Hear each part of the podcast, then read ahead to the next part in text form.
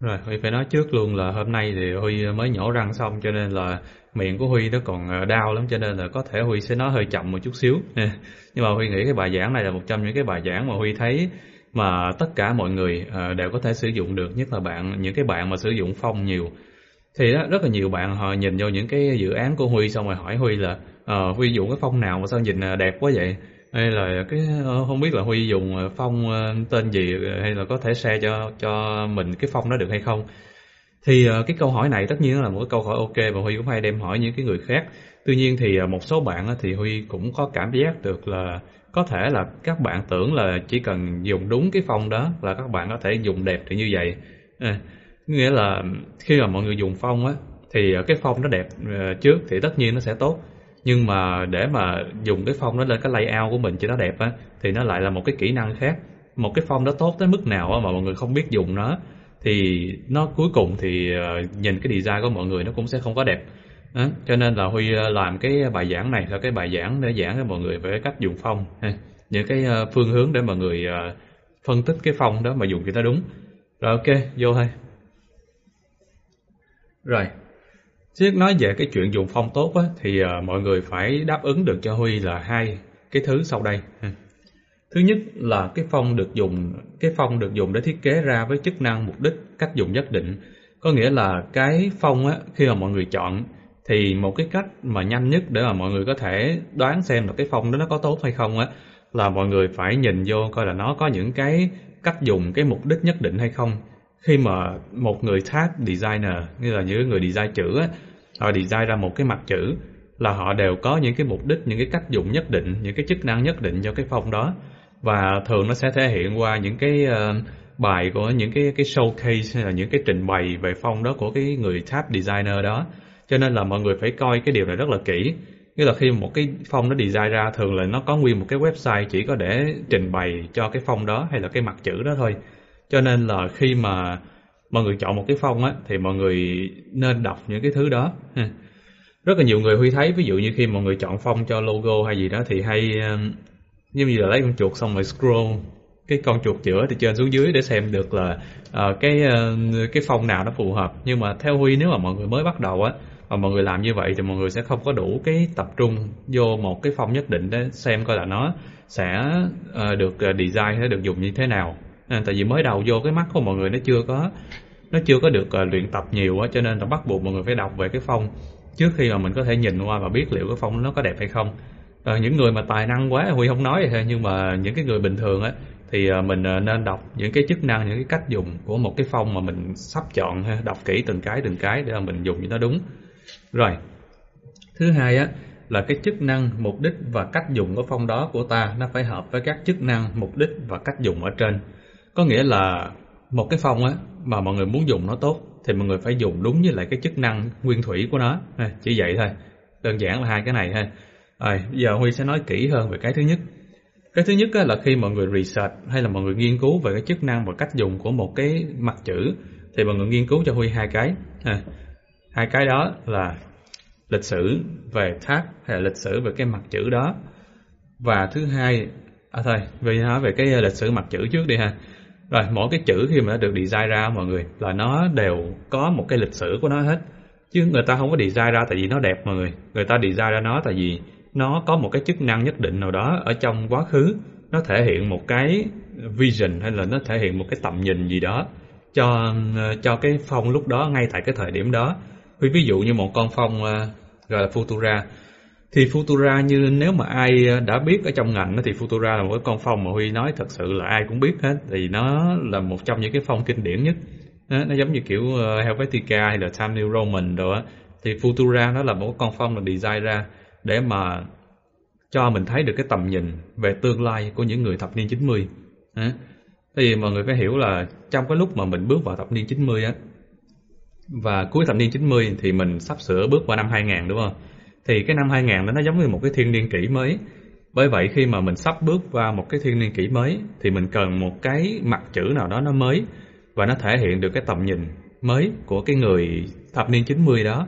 Cho nên là cái con Futura nó được design ra là để mọi người có thể à, là để những cái người thời đó à, mơ tưởng hay là viễn tưởng về một cái tương lai à, nhưng mà không phải tương lai của mình bây giờ nha Futura là tương lai của những người thập niên 90 nó rất là khác nếu mà mọi người uh, coi phim á, thì mọi người có thể coi cái phim uh, A Clockwork Orange hoặc là A Space Odyssey. Thì hai phim này nó nói về cái viễn cảnh tương lai và cái cái tầm nhìn về tương lai của những cái người thập niên 90 thì con Futura nó rất là hợp với lại uh, cái uh, cái thời điểm này và đó là cái cách và cái cách dùng và cái chức năng cái mục đích của nó trong lịch sử. Đó, thì uh, như mọi người thấy con Futura này á, thì nó uh, có những cái nét ờ, rất là cứng. Những cái nét ví dụ như mọi người nhìn chữ O chẳng hạn. Đây, chỗ handbook nè, chữ O. Thì cái chữ O của nó là tròn quay luôn. Đó. Nó giống, để nó giống như là những cái thành phần của cái máy móc của mọi người. Những cái máy móc cơ khí đó khi mà mọi người nhìn thấy một cái hình geometric shape hay là hình hình học á, thì nó sẽ cảm tưởng cho mọi người được là cái đó là một cái thứ nhân tạo. Thì con Futura này nó đưa cái sự hình học đó lên rất là cao. À, để mà nó thể hiện về tầm nhìn tương lai tương lai là có nhiều máy móc hơn có robot này nọ. À, tương lai của người đó nha. Nên là để biết được cái này á thì mọi người phải đọc về Futura bắt buộc mọi người phải tìm hiểu về tab history của nó để mà có thể biết được là nó dùng như thế nào.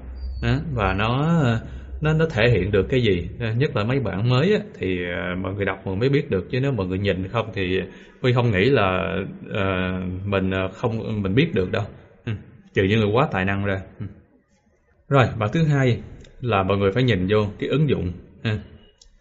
thì uh, cái ứng dụng này á là có nghĩa là mọi người nhìn xem là cái phong đó trên những cái poster được dùng như thế nào theo thời gian lịch sử là một nhưng mà lịch sử có nghĩa là nó chỉ cái lúc mà mọi người mà cái phong nó mới ra à, thì nó được dùng với chức năng mục đích và cái cách dùng nhất định đó nhưng mà sau khi mà nó được làm ra đó thì những cái người nghệ sĩ những cái người designer họ cũng có thể Ờ, phát triển thêm cái phong đó họ cũng có thể dùng những cái cách nó hơi khác đi một chút.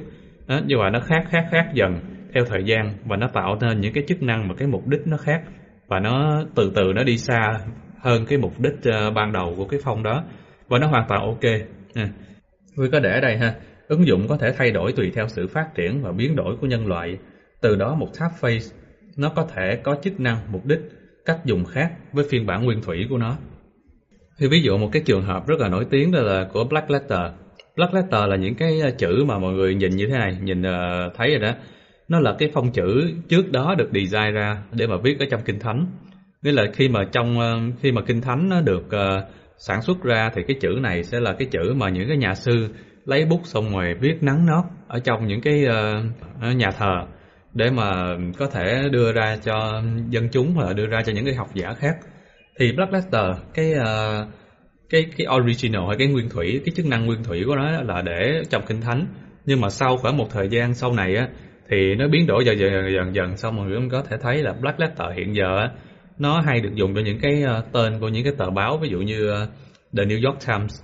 The New York Times đang dùng Black Letter ừ.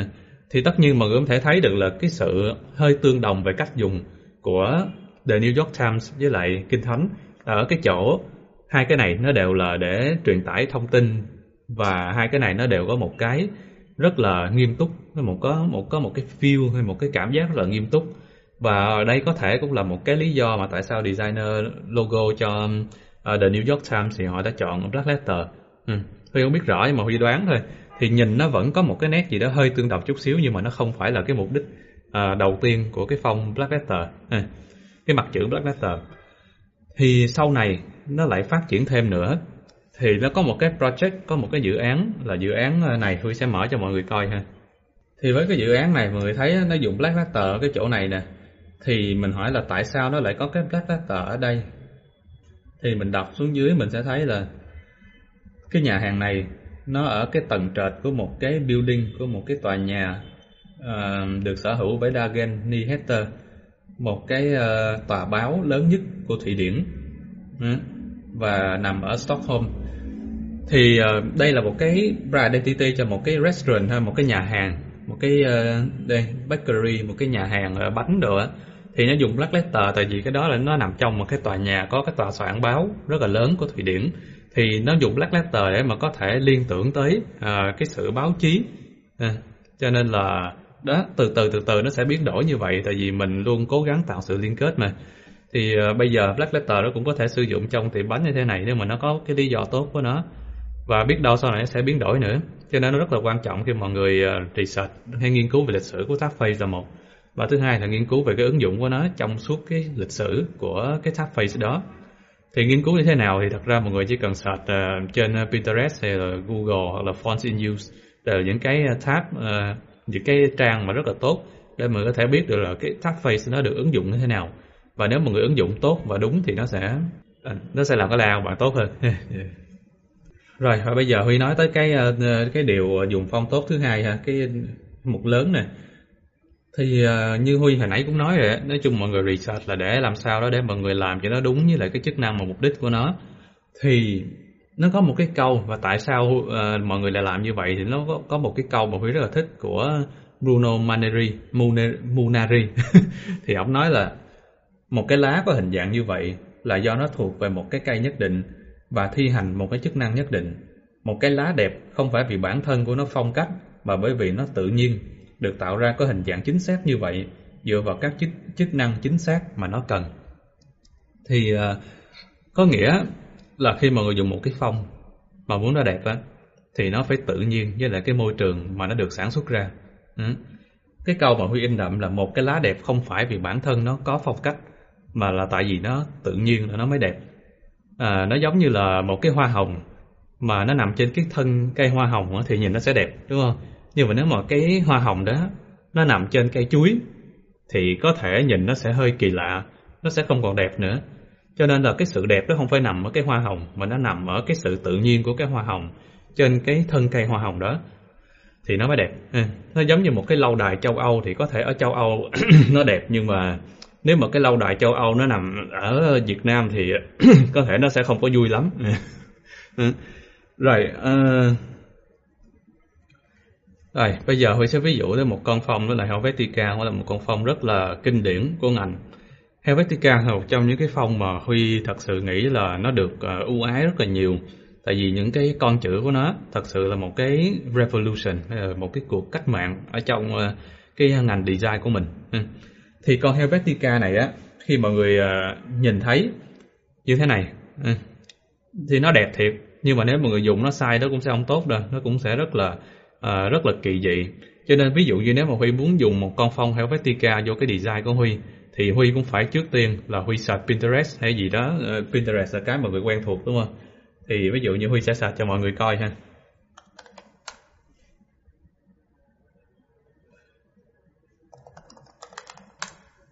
Helvetica uh, ờ, đó thì khi mọi người search Helvetica mọi người sẽ thấy được là oh, Helvetica nó được dùng như thế này. Nhưng mọi người có thể nhìn rõ hơn là ví dụ như cái độ tương phản mình phân tích nè cái tương phản giữa cái chữ lớn với chữ nhỏ của Helvetica à, ờ, của một cái poster dùng Helvetica thường nó sẽ rất là rất là cao.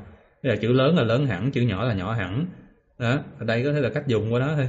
Nhìn mình phân tích ra ha hoặc một cái nữa mình cũng có thể thấy là thường Helvetica thì người ta không dùng ờ, in hoa hết, mà thường nó sẽ là dùng ờ, như thế này thôi. Mình không có cắt lóc cái ờ, Helvetica. Ừ. Đôi khi cũng có thể cắt lóc được những cái trường hợp đặc biệt như thế này, nhưng mà ít ừ, như thế này thôi. Hay là mình có thể thấy là không có ai căng giữa Helvetica hết. Ừ tất nhiên nó không có nghĩa là mọi người không được căn giữa Helvetica thôi. Nó chỉ có nghĩa là uh, đa số thì nếu mọi người muốn Helvetica nó tự nhiên nhất thì mọi người có thể làm ờ, theo như là căn trái đồ thì nó sẽ là đúng nhất với Helvetica. Uh, căn giữa thì vẫn có thể làm được nhưng mà nếu mà các bạn chưa có uh, kinh nghiệm chưa có đủ cái trình độ thì mình nên tránh. Thì ngay có khi khi mọi người search Pinterest mọi người tự phân tích ra mọi người cũng thể thấy được nó được sử dụng như thế nào và bắt buộc thì cái Helvetica nó khi mà người sử dụng trong cái layout của mọi người nó phải hiện lên tự nhiên nhất có thể à, để cho nó đúng với lại cái lịch sử và cái ứng dụng của nó thì lúc đó cái design của mọi người nó sẽ hiện lên đẹp đẽ và tự nhiên à. rồi thì, thì nhiều người cũng hỏi Huy là nếu mà làm như vậy thì nó có giới hạn quá không? Tại vì mình sẽ làm giống với lại những cái người trước đúng không? Đó. Nhưng mà theo Huy á, thì không. Thì Huy sau đây cũng xin trích một cái câu của uh, Bruno Munari. Sau cái đoạn đó thì ông cũng có nói là ngay cả như vậy ta có rất nhiều loại lá và mỗi cái lá trên một cây thì nó đều khác nhau một chút. Có nghĩa là ngay cả khi mà người dùng một phong với cùng một cái cách dùng nhất định như vậy thì những cái poster hay là những cái cách dùng của mọi người nó đều có thể khác đi một chút. Tất nhiên nó không thể khác quá nhiều, nó khác quá nhiều là nó nó bậy nó sẽ không có đúng như là cái mục đích của nó và mọi người dùng mà không đúng mục đích thì thì nó bậy rồi à, nhưng mà nó có thể khác một chút được nhưng mà chung quy thì mọi người vẫn nên làm cho nó, nhất là mấy bạn bắt đầu á, thì đừng nghĩ tới cái chuyện mà phải sáng tạo quá nhiều trước. Mình hay nghĩ tới cái chuyện mình làm cho đúng trước rồi đã, mình làm cho đúng những cái gì mà cái người tab designer đó kêu mình làm. Thì ờ, nó sẽ an toàn hơn và mọi người sẽ học được nhiều hơn, thì từ từ cái mắt mình nó mới luyện được. Ok, video tới đây là hết và rất là cảm ơn mọi người lắng nghe. Bye.